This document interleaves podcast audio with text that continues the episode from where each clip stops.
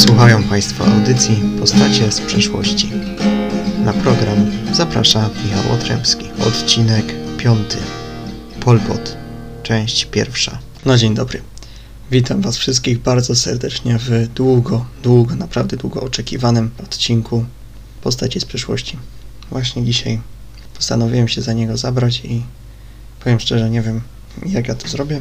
Mam przed sobą właśnie 10 stron napisanych notatek do e, tego odcinka. Jest to o wiele więcej niż było w poprzednich, e, więc będzie długo.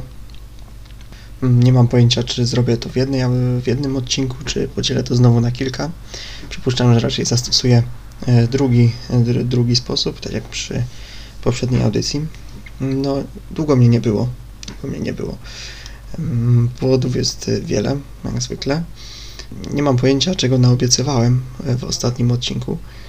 E, Nagrywałem e, ostatni, ostatni odcinek nagrywałem w listopadzie ubiegłego roku. E, Bodajże ostatnią część publikowałem pod koniec roku, więc tam pewnie jeszcze jakiś e, komentarz dodałem mm, wtedy, bieżący. E, Aczkolwiek no już minął prawie rok. Dzisiaj mamy 11 grudnia e, i tak powoli rok się kolejny kończy. E, Więc w tym roku udało mi się zrobić tylko jedną audycję przez cały rok. E, W ubiegłym roku no, były dwie i to w pół roku zrobione. Więc e, mamy tutaj spory regres, jeśli chodzi o częstotliwość. Ale tak jak mówię, powodów jest wiele. Głównym takim powodem to jest brak systematycznej pracy nad tym. Ale to nie będę się teraz głupio tłumaczył. Mm, W każdym razie ostatni, ostatnie miesiące, może dwa, poświęciłem na właśnie na taką bardziej intensywną pracę nad tym e, projektem. No i właśnie to się przerodziło w to, że mam przed sobą właśnie 10 stron notatek, które, z których e, co nieco muszę poopowiadać. Z tego wszystkiego to jeszcze e, w ogóle nie powiedziałem o czym dzisiaj będziemy mówić, ale jeśli ktoś kliknął już w ten odcinek, no to już ma pojęcie, bo tytuł wcale nie jest szyfrowany, więc wie o czym będzie mowa. W zasadzie o kim będzie mowa. Mianowicie dzisiejszym, dzisiejszą postacią, o której Wam powiem, e, jest Polpot. O Polpocie każdy pewnie słyszał mm, gdzieś tam na historii. Ja szczerze powiem, że się pierwszy raz z nim zetknąłem właśnie na historii w szkole. Mm, Więc e, cokolwiek by nie było, to ta rzecz nie była prawa Kambodży właśnie w latach 70. przemilczana nie była w szkole, jak wiele innych e, historii których jest mi czasem po prostu szkoda, że ich nie ma. Powoli już sobie zacznę, tylko chcę tak powiedzieć, no trochę mi gardło wysiada, więc jeżeli mój głos nie jest najpiękniejszy, no to z góry przepraszam. W połączeniu z nie najlepszym e, sprzętem to pewnie brzmi bardzo e, nieprzyjemnie, aczkolwiek postaram się zrobić co mogę, żeby to się, tego się dało słuchać. Myślę, że tutaj technika e, w miarę załagodzi e, skutki moich niedyspozycji. Co dalej? No jest tego trochę dużo. Teraz się przyznam, że dużo czasu nie mam, więc nie wiem, nie, mam, nie wiem ile nagram. Aczkolwiek y, trochę się postaram nagrać teraz, może trochę dokończę swoje gadanie kiedy indziej. Pamiętam, że już nawet y, odcinek o Eleonorze Akwitańskiej nagrywałem mm, na kilka, kilka razy, więc tutaj też na pewno będę miał kilka podejść. Co mogę jeszcze powiedzieć? Na pewno zmieniłem troszkę metodykę w ogóle co do pozyskiwania informacji. Wielu, wielu nowych rzeczy się dowiedziałem.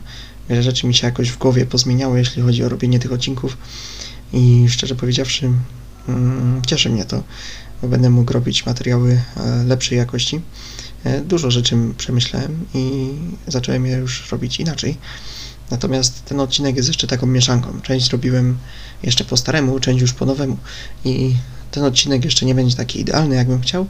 E, W sumie to nigdy nie będzie idealnie, ale już kolejne odcinki będą powstawały w takim modelu, w jakim bym chciał, żeby powstawały, czyli więc chciałbym, żeby te następne odcinki były jeszcze lepsze jakościowo i podawane informacje, żeby były jak najbardziej zgodne z prawdą. A jeżeli czegoś nie będę pewny, to żebym zawsze umiał powiedzieć, że informacji na ten temat nie znalazłem i tego nie wiem, a nie żebym wymyślał.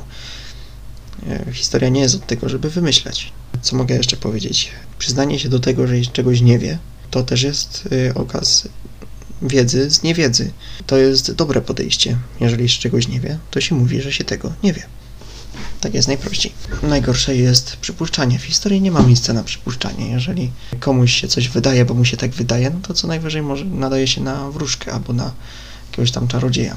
Do czego bym chciał przejść? Do tematu oczywiście. Zaczniemy już sobie powoli, bo e, troszkę przedłużamy 6 minut już wstępu zbędnego albo niezbędnego, jak to uważa. Ja sobie zacznę już swój wykład i myślę, że będzie się dało mnie słuchać. Pol Pot tak naprawdę, my go znamy pod taką, znamy go dzisiaj jako Pol Pota, natomiast tak naprawdę nazywał się Solot Sor. Ja wiem, że się inaczej pisze, inaczej się czyta. W, kam- w języku y, kambodżańskim zamiast A czytamy O. Dlatego mm, widząc napisane Salot Sar, będę to czytał jako Solot Sor. Y, I tego się trzymajmy. Głębiej się nie będę y, wchodzić w, w, w język tamtejszy, natomiast y, chciałbym chociaż tą jedną taką zmianę wprowadzić, że zamiast A będę czytać O. I tyle. Ja wiem, że pewnie jeszcze wiele błędów będę popełniać, jeśli chodzi o ten język, ale nie jest audycja językowa, wybaczcie. A więc Solo Cor urodził się w marcu 1925 roku. Ta data tutaj nie jest do końca znana. E, wynika to z faktu, że ludzie w Kambodży nie zapisywali daty urodzin, nie rejestrowali jakby narodzin dziecka. Mm, to im było zbędne, nie było czegoś takiego, że teraz, że tworzy się jakieś akty urodzenia i tak dalej, tam się tego nie robiło, to było dla nich e, zbędne. I oficjalną datę, którą później przyję, przyjęto dla e, Sara, Sora, przepraszam, dla Sora to 19 maja 1928 rok i jest to data, może się gdzieś, gdzieś można spotkać, może ktoś e, przez nieuwagę ją gdzieś wtrącił na jakiś portal internetowy, do jakiegoś podręcznika, oby nie. Nie spotkałem się z tym na szczęście, ale jeśli gdzieś się spotkacie z tą datą, no to wiedzcie, że to jest oficjalna data, którą e, rodzice mm, wymyślili Polpotowi, tak, Sorowi, e, po to, żeby zapisać go do szkoły, bo no, nie znano daty jego urodzin oficjalnie, więc można mu było wymyślić po to, żeby spełnił kryteria przyjęcia do szkoły, tak, tak jest najprościej. I takie zabiegi były często stosowane przez e, właśnie rodziców dzieci w Kambodży. W zasadzie chłopców, bo dziewczynki to raczej do szkoły nie chodziły. E, ale to już dłuższa historia. Nie zagłębiajmy się w to. Może tak, może ktoś z Was sobie teraz robi notatki, więc postanowię e, ułatwić sprawę. Polpot to są dwa osobne słowa, nie jedno. Więc w tytule audycji też będziecie mieli to napisane. To są dwa osobne słowa i oba piszemy z dużej litery. To jest najbardziej, najzwyczajniejszy pseudonim. Ciężko powiedzieć artystyczny, ale coś, coś Wam wyjaśnię. Jak na przykład Aleksander Głowacki przybrał sobie pseudonim Bolesław Prus, no to piszemy Bolesław Prus z dużych liter. Tak samo Pol, Pod piszemy z dużych liter. Potraktujmy to sobie jako takie imię, nazwisko, taki pseudonim, taki jak przyjmują artyści na przykład u nas. I państwo, e, o którym dzisiaj, na którym dzisiaj się dość dużo, w którym się dzisiaj dość dużo będzie działo, to Kambodża, czyli państwo, które było właśnie miejscem działalności Polpota. Tak, to będzie miejsce, w którym się będzie większość tych działań, o których dzisiaj opowiem, działa. E, tak trochę to nie po polsku powiedziałem. Dzisiaj oficjalnie państwo nazywa się Królestwem Kambodży. W ogóle w języku polskim mamy takiego pecha, albo szczęście, że ile razy by się ta nazwa Kambodży nie zmieniała, to myśmy z tym mieli zawsze największy problem. I w języku polskim za każdym razem, jak się coś działo w Kambodży, gdzie by się coś tam pozmieniało, to u nas się ta nazwa zmieniała. Obecnie się to nazywa nie Kambodżą, to Królestwem Kambodży. I to jest jego oficjalna nazwa od 23 września 1993 roku, co się nie zmieniło. Państwo, jakim jest Kambodża, to jedno z najbiedniejszych państw na świecie. I dlaczego tak jest, to będzie później o tym. Chciałbym najpierw przybliżyć historię Kambodży, bo myślę, że to się trochę przyda, e, bo pewnie nie znamy tego państwa, nie interesowaliśmy się nim nigdy, e, więc ja tak tylko bardzo skrótowo opowiem, skąd się to państwo wzięło, że to nie jest państwo, które wyskakuje z kapelusza w XX wieku, tylko że jest to jednak państwo, które e, istnieje już od dłuższego czasu. Możemy się więc przenieść do pierwszego wieku naszej ery, czyli słuchajcie, 2000 lat prawie się cofamy. I wtedy jeden z hinduskich braminów, Kaundini, założył państwo Funan. I to państwo było y, umiejsc... to państwo się znajdowało e, w obszarze delty Mekongu. Państwo to przez e, kilkaset lat dominowało ten obszar indochiński w VI-VII wieku wybiło się nowe państwo, czyli państwo Channel i spowodowane to było m.in. powodzią. I państwo upadło ostatecznie w 627 roku. Okres pomiędzy I a VII wiekiem nazywamy więc okresem Królestwa Faun Nan. W 802 roku Jayavarman II postanowił utworzyć cesarstwo ze stolicą w Angkorze. W Angkorze. Wtedy po raz pierwszy użyto nazwy Kambodża, która się wzięła prawdopodobnie albo od legendarnego władcy Kambodża, albo Kambodżadesza. Więc nie wiadomo, jak do końca się ten władca nazywał, ale prawdopodobnie to od niego wzięła się nazwa państwa, które dzisiaj znamy. Aczkolwiek nie jest to jedyna hipoteza i nie jest to pewne, więc tutaj przyznaję się do swojej niewiedzy. Do IX wieku trwał więc okres królestwa Chenli. Pomiędzy XII a XIII wiekiem był okres świetności tego państwa. Wtedy budowano legendarną stolicę tego państwa, właśnie tego, ten Angkor. E, władcy, e, władcy Angkoru e, przybierali sobie tytuł Devaradży, czyli Boga Króla, takiego połączenia. Czyli ten, będąc królem, jednocześnie się było Bogiem. Na Kambodżę najechały wojska Annamu i Syjamu. Stopniowo Kambodża traciła swoje prowincje i stawała się wasalem tych wspomnianych państw, Annamu i Syjamu. W XVII wieku Wietnamczycy próbowali posadzić na tronie Kambodży e, swojego władcę, co doprowadziło do konfliktu z Syjamem i to e, Syjam postanowił e, ostatecznie obsadzić, i to Syjam ostatecznie obsadził tron Kambodży. Następnie wybuchł konflikt między Kambodżą a Wietnamem, co doprowadziło do utraty kolejnych prowincji, a w 1738 roku objął rządy władca popierany przez Syjam Tomo Rachea, czy jakkolwiek się to czyta. E, przepędził on Wietnamczyków z terenów Kambodży i jednak już w roku 1755 Wietnam najechał z e, Kambodżę i odebrał jej kolejne terytoria. W kolejnych latach e, Kambodżanie musieli uznać zwierzchność Wietnamu i stacjonowało już tam ich wojsko. 1818 roku Kambodża została rozebrana pomiędzy Annam i Syjam wzdłuż Mekongu. W 1834 roku zmarł y, król Ang Chan II, nie zostawiwszy po sobie męskiego potomka. Po jego śmierci dokonała się intensywna wietnamizacja kraju i Kambodżę można było już uznać za prowincję wietnamską. Ludność Kambodży była oczywiście z obrotu spraw niezadowolona, i sytuację tą postanowili wykorzystać Syjamczycy, dając im okazję do powstania. Zwolnili oni ich księcia, oddali im go, pożyczyli mu jeszcze armię do walki z Wietnamem, czyli Syjam popierał y, bardzo walkę Kambodżan z Wietnamem. I w końcu zawarto pokój w 1847 roku, na mocy którego Kambodża uznała podwójne zwierzchnictwo zarówno Syjamu, jak i Wietnamu, a obu okupanci zobowiązali się wycofać swoje wojska z ich terytoriów. I, do, i parę lat później yy, doszło do tego, doszło do tego, że yy, rządzący wtedy Kambodżą, król Ang Doung, postanowił nie znajdować się pod rządami dwóch państw yy, jednocześnie, czyli z jednej strony miał Syjam, z drugiej strony miał Wietnam, no i co on postanowił zrobić? Postanowił zwrócić się o pomoc do Francji.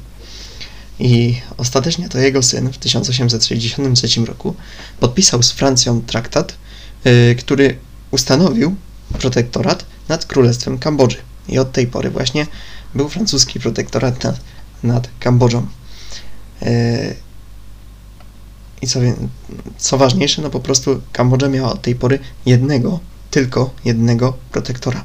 Czyli już nie było okupacji dwustronnej, była jednostronna francuska. I to jeszcze Francja wtedy uchodziła za państwo takie rozwinięte, tralala, więc Kambodża już w ogóle była z tego zadowolona. I w tym momencie sobie możemy postawić kropkę, czyli znamy już mniej więcej jak to państwo powstało, że ono się y, nie wyskoczyło jak królika z kapelusza w XX wieku. Y, mamy XIX wiek, władca Kambodży oddaje się Francji, żeby zaprzestać e, okupacji syjamsko-wietnamskiej. E, teraz jego jest właśnie zwierzchnikiem króla, e, króla władcy Francji, więc jest teraz zwierzchnikiem władcy Francji i Kambodża jest, należy do Francji, że tak sobie powiem w skrócie. Wróćmy teraz do Sara. Sor urodził się w takiej wiosce, która nazywa się Prexpauf i w zasadzie nie jest znana z niczego, oprócz tego, że właśnie tam się Sor urodził. Warto zauważyć, że jak to zawsze było przy tyranach, e, to jego pochodzenie, dzieciństwo, nic innego nie wskazuje na to, że on wyrośnie e, na, e, powiedzmy to sobie wprost, złego człowieka. No, no nic o tym nie przesądza w dzieciństwie. Jego rodzina, normalna rodzina. Można wyczytać, że Sor był grzecznym chłopcem, spokojnym, nie sprawiał problemów. Jakby żył w dzisiejszych czasach, to sąsiadki by powiedzieli, no nie no dobry chłopak był, zawsze dzień dobry na klatce mówił. Taki mamy w Polsce stereotyp, że jak ktoś mówi dzień dobry, to od razu jest dobry. Później te e, starsze sąsiadki właśnie się zawsze w telewizji wypowiadają, no dobry chłopak był, no dzień dobry na klatce mówił. Nie, nie wiem, co mu odbiło. No. E, co jest ważne, to to, że młody Solot idealnie się wpisywał do tego, e, wpasowywał do tego stereotypu. Jednakże z drobnymi przestępcami nie ma co go porównywać, bo to nie ta skala. I dlaczego nie ta skala, to jeżeli nie wiecie, to się dowiecie za chwilkę. Dojdziemy do tego. W tej wiosce rodzice przyszłego dyktatora wykazywali się nadzwyczajną pobożnością. Mieli dobre też relacje z dworem królewskim i to się odbije później na y, życiu dalszym Polpota. Y, oddam to. Rodzice Polpota nazywali się Solot Pen i Sognem. Prowadzili oni farmę, na której uprawiali ryż. Y, to jest ciekawe, bo później przy rządach Polpota cała Kambodża będzie uprawiała ryż po to, żeby Polpot go eksportował. Y, ale to już jest y, dłuższa historia. Byli oni jak na warunki kambodżańskie rodziną no, w miarę bogatą. Sar miał dziewięcioro rodzeństwa, z tym, że trójka z nich zmarła w dzieciństwie. Najlepsze relacje miał Sar z Nepem, swoim młodszym bratem. Nasz bohater nie pracował na rodzinnej farmie, e, widocznie zbytnio pracowity nie był, a jego rodzice w myśl nowoczesności, że tak to imię, odchodzili od tego modelu e, średniowiecznego, gdzie cała rodzina E, pracuje e, w polu, czy na polu. Między wy i na zawsze jest ten dylemat, co użyć. Oba się wydają poprawne. E, zanim młody Polpot został wysłany do szkoły, wpierw umieszczono go w klasztorze buddyjskim Wat Potum Wadei i tam nauczył się czytać, pisać, zapoznał się z buddyzmem, no i w końcu był to klasztor buddyjski, więc trudno było inaczej. E, poszedł tam w 1934 roku, a latem 1935 już opuścił e, ten zakon, mając 10 lat e, po jakimś tam roku nauki. Zamieszkał wtedy ze swoim starszym bratem, Songiem i jego żoną i we wrześniu rozpoczął naukę w prywatnej, tym razem katolickiej szkole podstawowej, którą prowadzili francuscy księża. I lekcje tam prowadzili w swoim ojczystym języku, francuskim. E, przez to Pol Pot dość dobrze opanował język francuski, co mu się później przyda. Zapoznał się także z chrześcijaństwem, ideologią chrześcijańską, a także z kulturą europejską i europejską literaturą. E, młody Salot miał e, problemy z nauką, uczniem był marnym.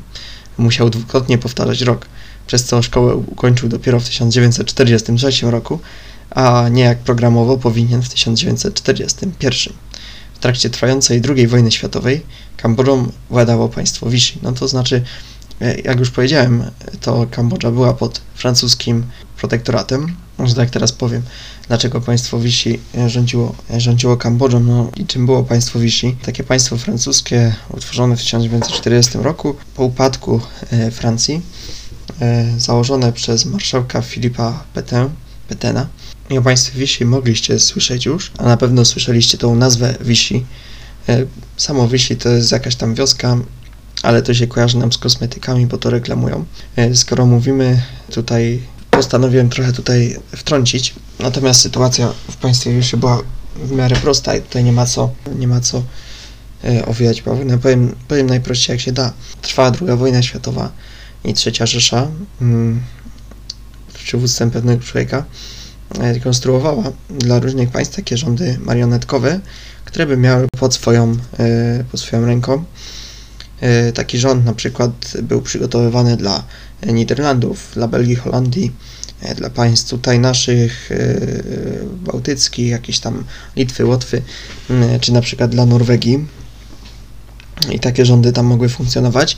My jednak się skupimy na Francji, gdzie władzę przejął sędziowy już wtedy marszałek Pétain, postać, która się we Francji E, która była przez Francuzów poważana i to nie bez przyczyny, e, ponieważ odznaczył się on przede wszystkim podczas I wojny światowej. Mhm. I więc nie była to postać, która wzięła się znikąd, nie była to jakaś postać wyciągnięta przez nazistów e, jako ich właśnie marionetka, tylko to była osoba, która we Francji cieszyła się poważaniem.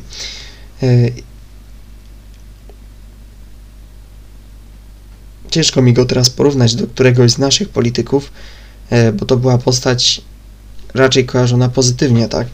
My w historii raczej nie mamy takich władców, którzy by się kojarzyli pozytywnie.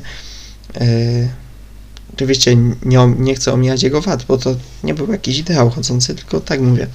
E, miał on olbrzymi wpływ na wojsko, bo wprowadził wiele zmian do armii, o których teraz nie będę mówić, ale należy wspomnieć przede wszystkim o tym, że to właśnie jemu Francja zawdzięcza zwycięstwo pod Verdun i bo to jemu powierzono obronę Verdun i to dzięki jemu, jemu taktyce, jemu podejściu do mm, no, do prowadzenia tej armii udało się Verdun obronić i wygrać największą bitwę w dziejach świata.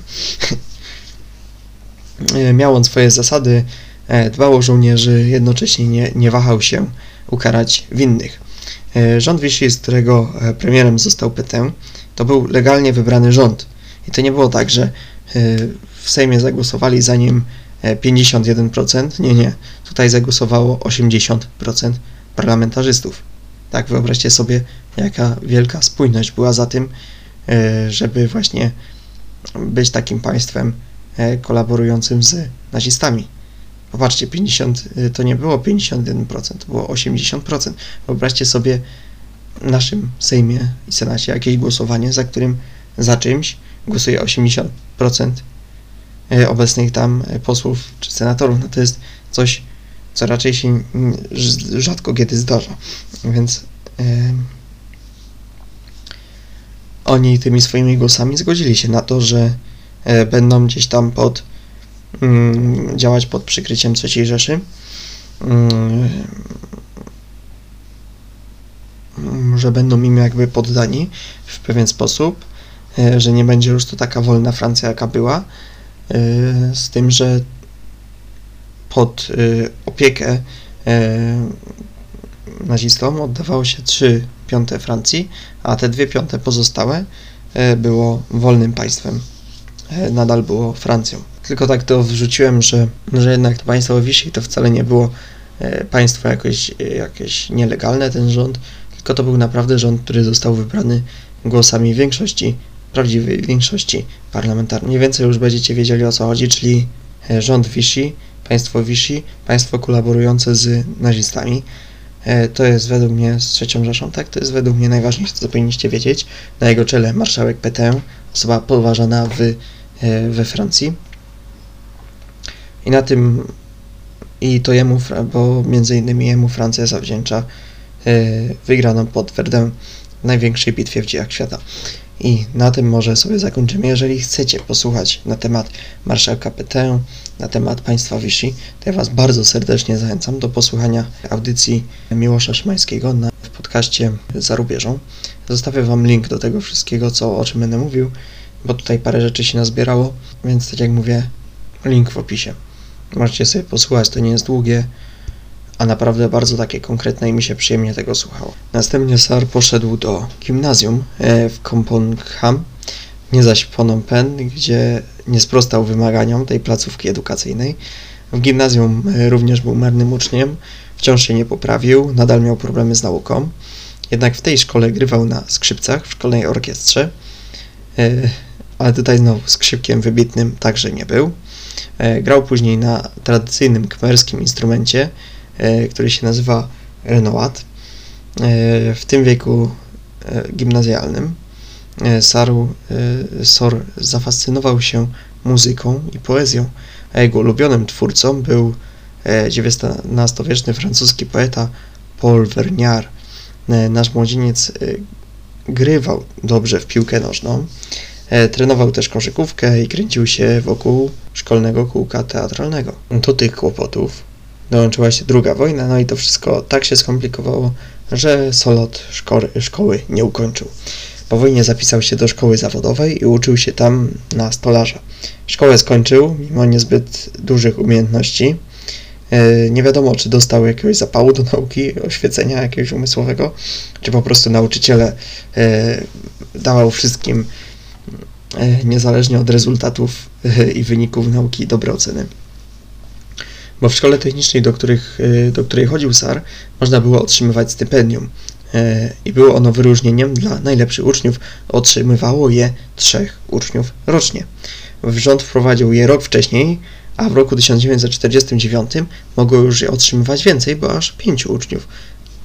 to nadal może nie jest za dużo, ale to zawsze coś. I przypuszczam, że tylko jeden i przypuszczam, że takie stypendium dostawali tylko i wyłącznie mężczyźni. E, Sar załapał się do najlepszej piątki, nie wiem jakim cudem. E, być może nie była to wcale zasługa jego ocen, ale tak jak to powiedziałem już na początku, jego rodzina była w dobrych relacjach z rodziną królewską, e, miłościwie w Kambodży panującą, albo nie panującą, ponieważ ten kraj był pod okupacją Francji. E, ale o tym już troszkę wspominałem, więc teraz przejdźmy dalej. E, Sorot e, oczywiście wszystkiemu zaprzeczał, jakoby to dostał to stypendium przez swoje znajomości. Niezależnie od tych czynników, jednak Sorot dostał stypendium i otworzyło ono przed nim nowe drzwi, wybór nowej, jaśnie oświetlonej ścieżki w życiu, mianowicie nauki we Francji. Przed wyjazdem ze stypendystami spotyka, spotkał się król, Mm, to znaczy przyjął ich na audiencji specjalnie dla nich przygotowanej, no bo takie spotkał się, to takie mało prostackie, mało królewskie, lepiej powiedzieć, przyjął ich na audiencji. To brzmi tak elegancko. Następnego dnia wyruszyli oni do Saigonu, czymkolwiek ten Saigon jest, e, albo z czymkolwiek też się nam kojarzy. Z tego miasta wyruszono do Francji drogą morską. E, Sor pośród reszty stypendystów przemierzał wodę oceanu, czy tam mórz, E, które i tak mają połączenie mniej lub bardziej do oceanu. Mm, a zresztą przecież to nie geografia, ale tłumaczę, żeby nikt nie zgłaszał jakichś uwag. W każdym razie e, Sor płynął przed siebie, płynął do kraju, gdzie jego życie, jego poglądy, dążenia, pragnienia, zainteresowania i długo by tu jeszcze wymieniać, zmienią się nie do poznania i zmiana ta jest też przyczyną tego, w ogóle tego, dlaczego dzisiaj w ogóle o nim nagrywam audycję. Do Paryża Sar leciał wraz z innymi w nocy z 30 na 1 października, bo oni najpierw do Marsylii dopłynęli, ale to już dłuższa historia. Po przybyciu tam musiał znaleźć dla siebie mieszkanie i tutaj ponownie przydały się kontakty z rodziną królewską, więc jak widzicie, nie nadaremno o niej wspominałem. Tak się złożyło, że w Paryżu akurat mieszkał bratanek króla e, Monivonga, e, książę Sisowat e, Sampong i tam studiował e, w tej szkole, do której teraz miał uczęszczać Pol Pot. Książę znalazł młodemu mieszkanie, no i przynajmniej miał gdzie mieszkać ten Pol Pot. Mm, jakaś podstawa zapewniona była. Sar miał jednak jeszcze e, problemy z językiem, mimo tego, iż już się uczył języka francuskiego, gdyż e, właśnie Kambodży też nauczali po francusku, bo właśnie tam uczęszczał na te lekcje, gdzie francuscy księża nauczali po francusku. E, mimo bliskiego zetknięcia z językiem, E, Solot nie opanował zbytnio tego języka. E, potrafił się od biedy dogadać, ale szału nie było. Królewski bratanek więc zachęcił Sara do dołączenia do Związku Studentów Kmerskich i Sar faktycznie tam wstępuje do AEK. W szkole dostał salot jakiegoś napędu nowego i z początku spiął się i miał w miarę dobre oceny. Egzamin jednak zdał dopiero za drugim razem, E, więc e, pewnie zanim skończył szkołę, to się z powrotem w nauce opuścił. E, po pierwszym roku nauki przyszły pierwsze wakacje. Latem 1950 roku Związek Studentów Kmerskich oferował wyjazdy wakacyjne. Do wyboru była Szwajcaria oraz Jugosławia. No, ja bym wolał jechać do Szwajcarii, ale nasz bohater wybrał Jugosławię. Dlaczego? Bo różnica była taka, że ten pierwszy wyjazd był płatny. Trzeba było zapłacić 70 dolarów, a drugi był bezpłatny. E, z braku środków Pol Pot wybrał Jugosławię. Na miejscu pracował przy budowie autostrady. E, tam młodzi kmerzy e, uwidzieli po raz pierwszy system, w którym ludzie byli skupieni i zjednoczeni wokół silnych przywódców. Komunizm zaobserwowany na Bałkanach zainspirował Pol Pota, coś mi się tam w głowie roz, zapaliło. Rozpalił się w nim, rozpaliła się w nim chęć, aby zbudować w swojej rodzinnej Kambodży państwo również komunistyczne, aby wprowadzić tam nowy, czerwony ład i porządek. E, po wakacjach trzeba było wrócić do szkoły, tylko że e, członek królewskiej rodziny, u którego Sar e, mieszkał, wrócił do domu, ponieważ już skończył studia i postanowił wrócić do domu, po prostu, nie mieszkać już dalej w Paryżu. No i Pol Pot miał problemy z tym, mm, Pol Pot nie miał gdzie spać, tak najprościej powiedzieć. Poszukiwaniu mieszkania e, SAR nawiązał relacje z bardziej postępowymi e, studentami, e, bo to SAR otrzymał pomoc od tego Związku Studentów Komercji, do którego należał, więc dzięki nim SAR miał gdzie spać. I to dzięki nim właśnie przebywał w takim gronie studentów postępowych i ich poglądy zdążyły na Polpota przeniknąć w tamtym okresie.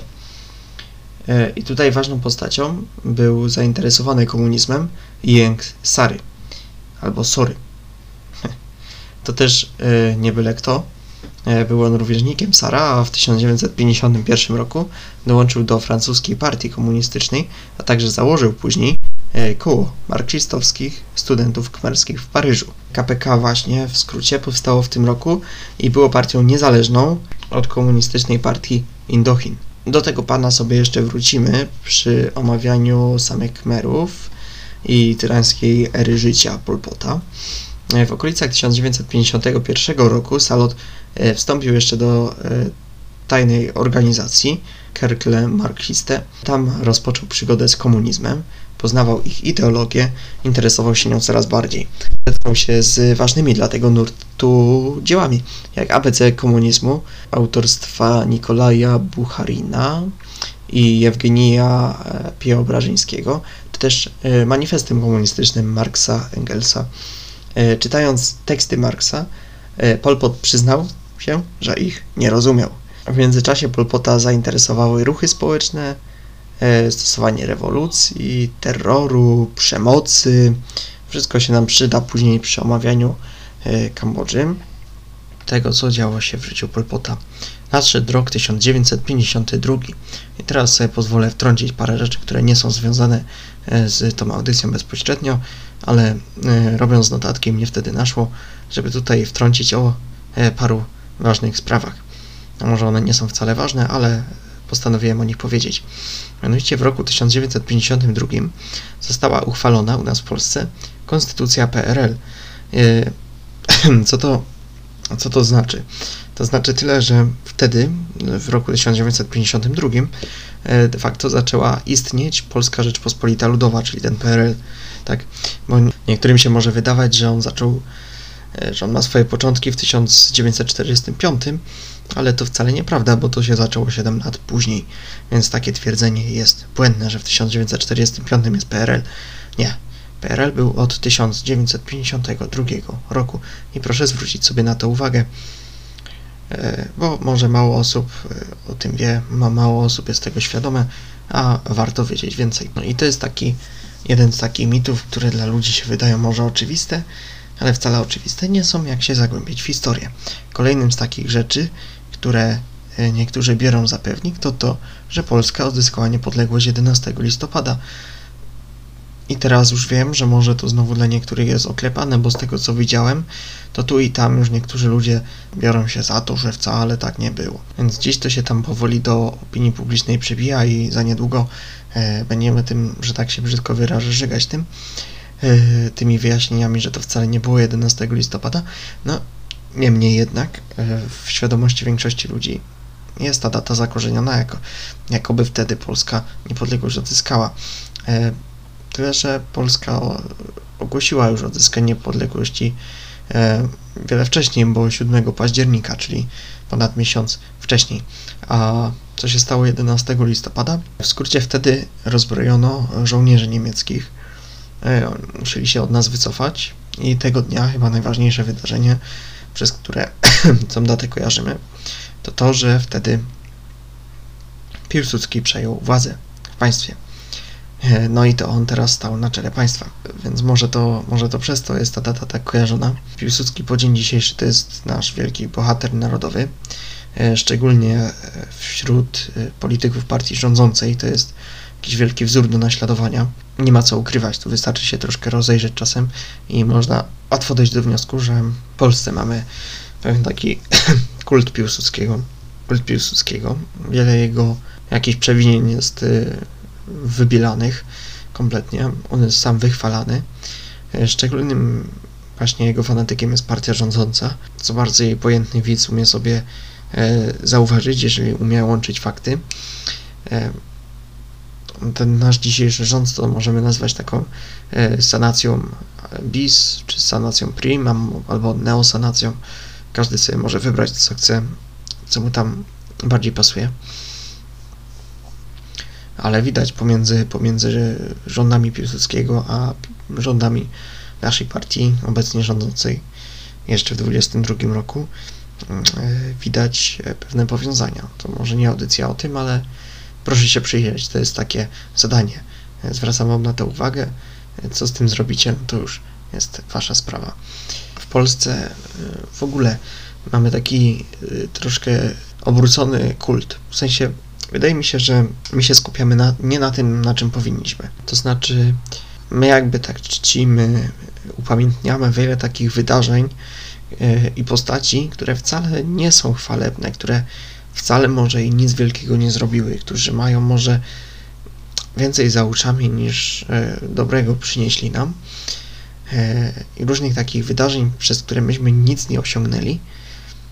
I one są jakby tak wyciągane, one są takie medialne, one są takie popularne, wszyscy o tym wiedzą, a takie rzeczy, które, takie wydarzenia, e, już o postaciach nie wspomnę, które rzeczywiście się do czegoś przyczyniły, które rzeczywiście mają jakieś znaczenie, e, albo miały w przeszłości, to są już w ogóle często no, przemilczane po prostu zostają, tak? No i teraz zrobię prosty test. Ile osób zna datę powstania warszawskiego?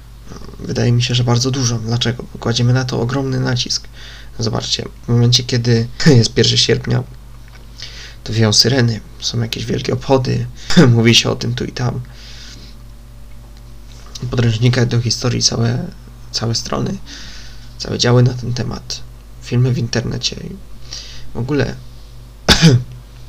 filmy się o tym kręci, materiały do internetu, e, gazety o tym piszą, w radiu się o tym mówi, w telewizji. Może jakieś billboardy się pojawiają, plakaty. Więc naprawdę to jest słusznie obchodzone. Tak naprawdę powstanie warszawskie no to była tragiczna decyzja, e, tragiczna decyzja e, dowódców, która nic nam dobrego nie, nie przyniosła, tak? A wręcz przeciwnie, przyczyniła się do tego, do czego się przyczyniła? Do śmierci ludzi, na pewno, i to nie, nie małej ilości, i do zniszczenia Warszawy. Czyli w zasadzie nic dobrego nam to nie przyniosło. E, nic dobrego nam to nie mogło przynieść, jeżeli ktoś umie trzeźwo myśleć. Więc było to kompletnie bez sensu. I upamiętnywanie takich rzeczy to jest po prostu głupota. Wyciąganie ty, takich rzeczy mm, na piedestał to nie ma sensu, tak?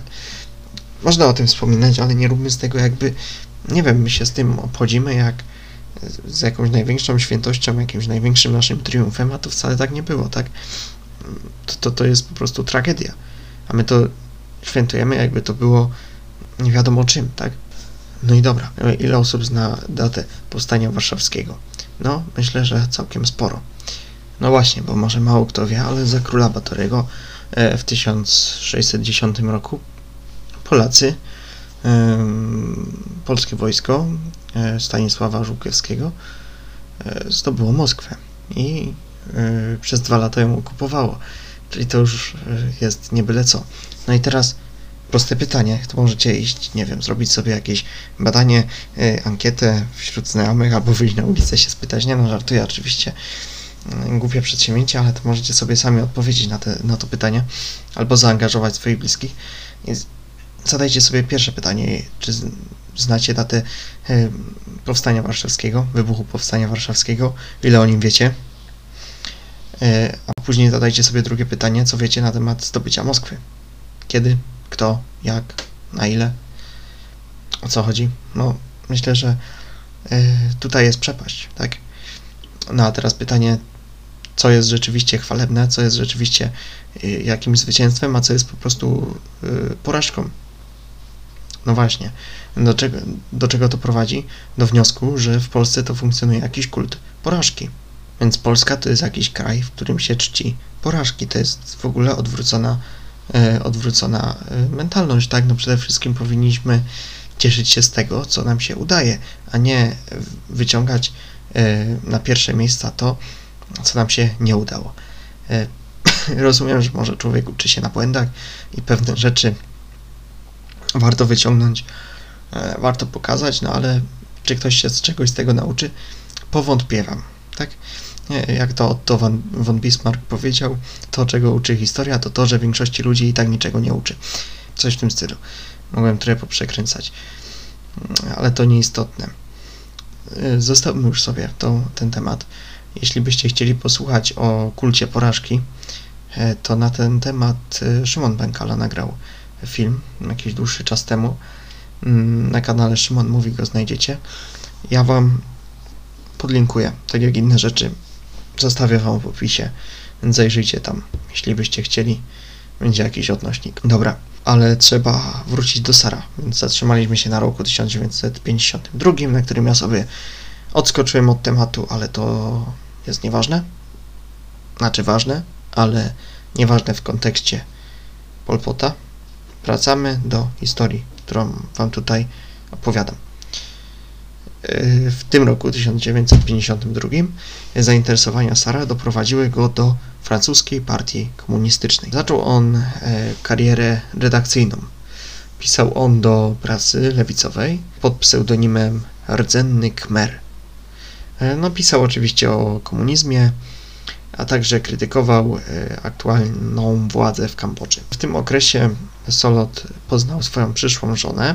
Była ona od niego kilka lat starsza, czyli dzisiaj rzadki model. Urodziła się w roku 1920. To ten e, sam rok, w którym Polsce kojarzony jest z bitwą warszawską, bo w 1920 roku była bitwa warszawska. Warto o tym pamiętać. To jest przynajmniej bitwa, którą wygraliśmy. Jeżeli ją uznajemy za ważną, no to tutaj naprawdę jest co świętować, tak? Natomiast niektórzy sobie już to znowu przeinaczają i robią z tego e, jakiś cud nad Wisłą, tak?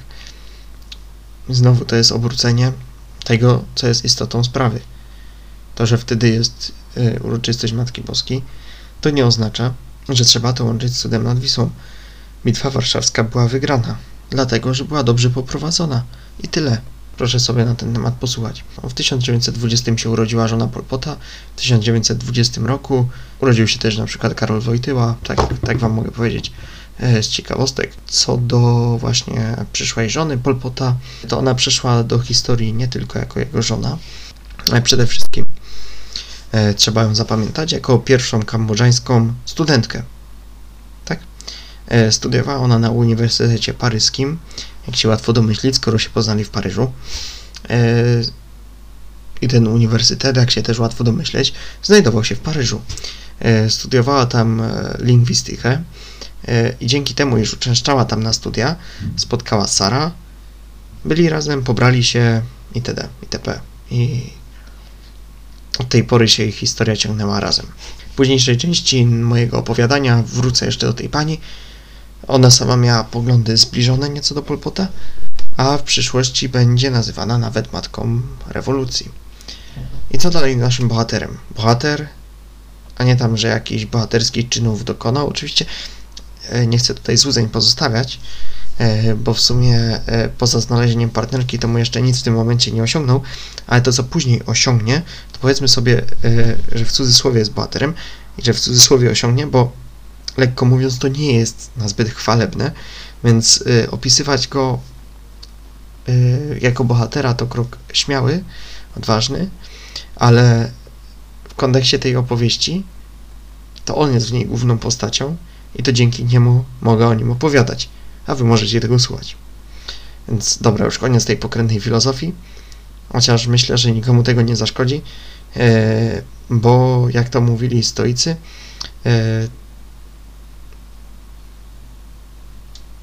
e, bo jak to mówili stoicy, zawsze zachowywać umiar i szukać tego złotego środka.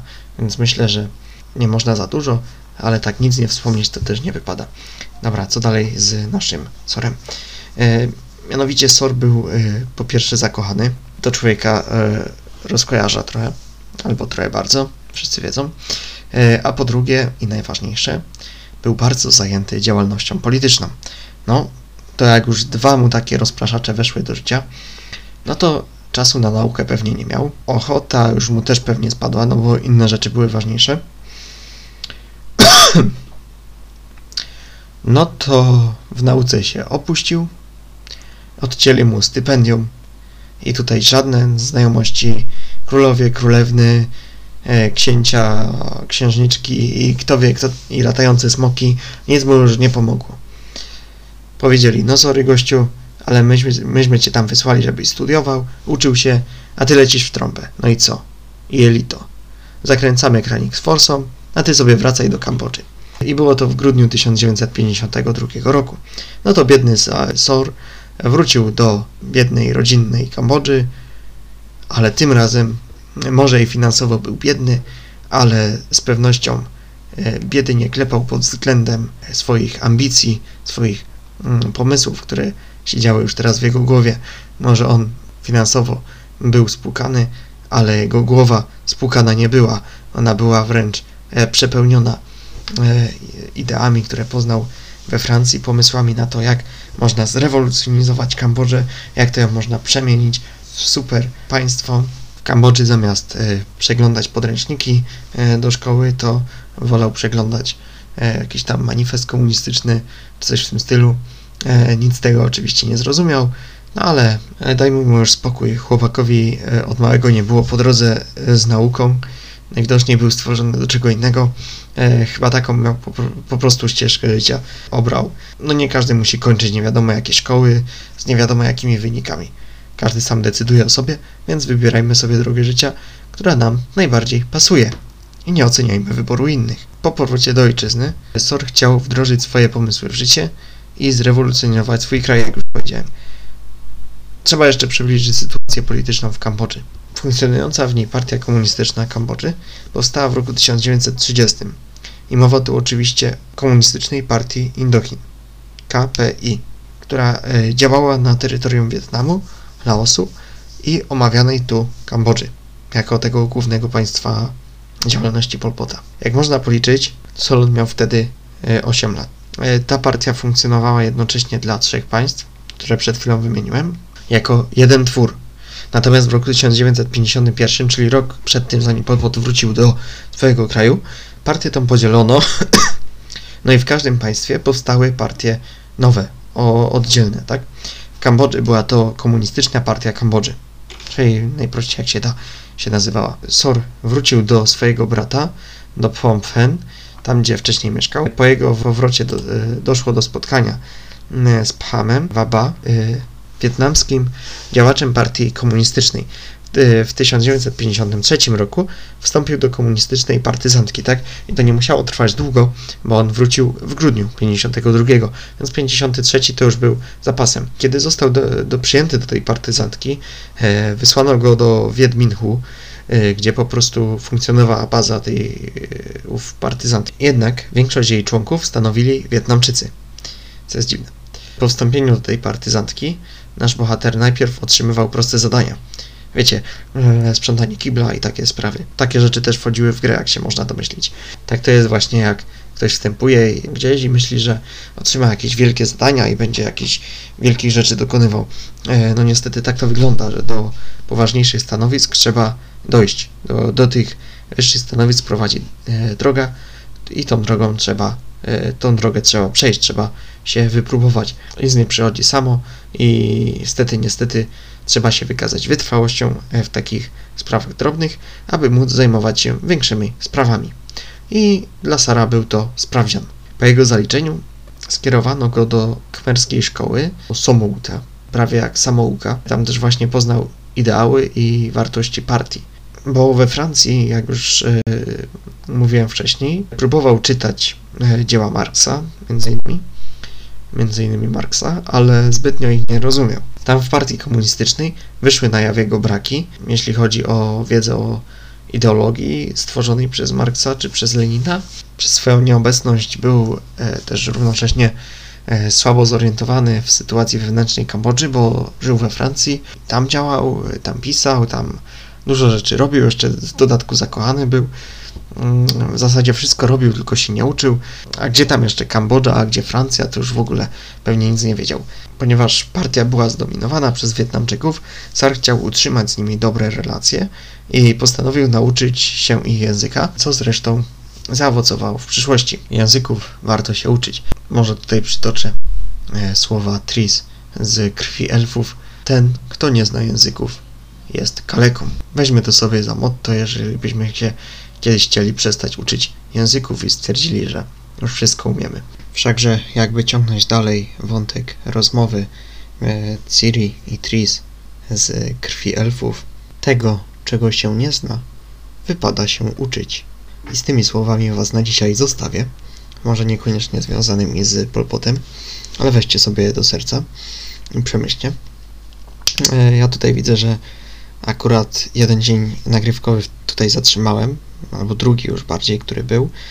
I w takim razie ja sobie postanowiłem podzielić ten odcinek. Zatrzymałem się na około 50 minuty, a całość widziałem, że na chwilę obecną ma godzinę 40, e, więc e, podzielę to mniej więcej na pół. Tak, to znaczy, jeżeli tam jeszcze trochę powycinam, e, no to trochę to się skróci i będzie poniżej 50 minut, więc może ta pierwsza część nawet troszkę dłuższa będzie, no ale mniej więcej będą równo podzielone. Dziękuję. Dziękuję za to, że byliście, że posłuchaliście tego odcinka, że mimo tego, iż długo nie wrzucałem e, nic tutaj, e, to dalej jesteście, dalej chce Wam się do mnie wracać. Mm, I za to dziękuję. Dziękuję tym, którzy przesłuchali do końca. Cieszę się, jeżeli ktoś by traktuje to jako jakieś tam źródło wiedzy. Ktoś, nie wiem, do szkoły potrzebuje się nauczyć, albo akurat się tematem zainteresował, no i tutaj trafił. Cieszy mnie też to, jak, nie wiem, ktoś z Was robi notatki, naprawdę to miłe. No i co? I myślę, że niedługo będziecie mnie mogli posłuchać w kontynuacji tego odcinka. Dzięki jeszcze raz za wszystko. Do usłyszenia. Pozdrawiam serdecznie. Życzę wszystkiego dobrego.